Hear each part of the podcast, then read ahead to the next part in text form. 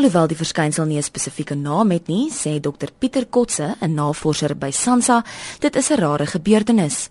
Hy verduidelik hoekom dit voorkom. Ons het vyf sigbare planete wat ons met die blote oog kan sien, lê ongeveer in dieselfde ekliptiese vlak met hulle bane om die son, maar hulle omloopperiodes verskil So byvoorbeeld sal Mercurius 88 dae vat om om die son te beweeg en Saturnus ongeveer 29 en 'n half jaar om die son te beweeg.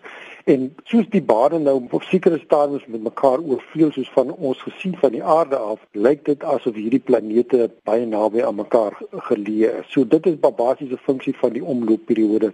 Indien jy die verskynsel wil waarneem, het jy kans tot die einde van Februarie, maar sê Kotse, jy gaan vroegoggend moet opstaan en jy moet weet waarvoor om uit te kyk. Die nou Johannesburg is baie nog vroeër opstaan, maar in die Kaap sal ek sê moet 'n mens minstens 5 uur die oggend opstaan en in 'n noordoostelike rigting kyk, dan kan 'n mens maklik vir uh, Jupiter herken. Verder ooswaarts dan sien jy die eerste is Mars, daarna Venus, maar ook in die ooste is die sterrebeeld van die Skorpioen en hy het 'n helder rooi ster wat die oog van die Skorpioen genoem word is Antares en reg onder Antares is die planeet Saturnus geleë. Dit is 'n liggeelerig planeet, effe kleinerig, dofferig, maar maklik herkenbaar met die blote oog. Verder af na die horison toe is Mercurius. Maar Mercurius is 'n moeilike een om raak te sien. So mens moet eintlik 'n vrye horison hê om vir Mercurius raak te sien.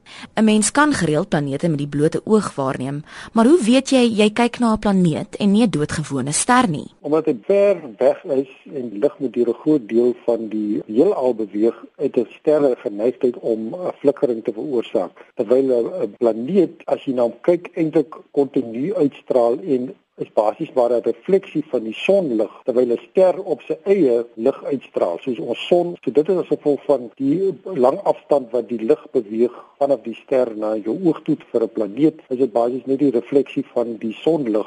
Kotse noem ook 'n paar ander verskynsels waarna sterrekykers vanjaar kan uitsien. Die 9de Mei gaan Mercurius 'n oorgang maak oor die oppervlakte van die son. En dit is iets wat nie aldag gebeur of wat ons nie kan sien nie. Mercurius beweeg net oor die oppervlakte van die son En dan sien jy die helder oppervlakte van die son met hierdie swart dotjie wat dan oor die oppervlakte van die son beweeg. Eklips gaan ons later sien hier in September maand wanneer die son 'n gedeeltelike verduistering ondergaan. Dit was Dr Pieter Kotse, 'n senior navorser by SANSA.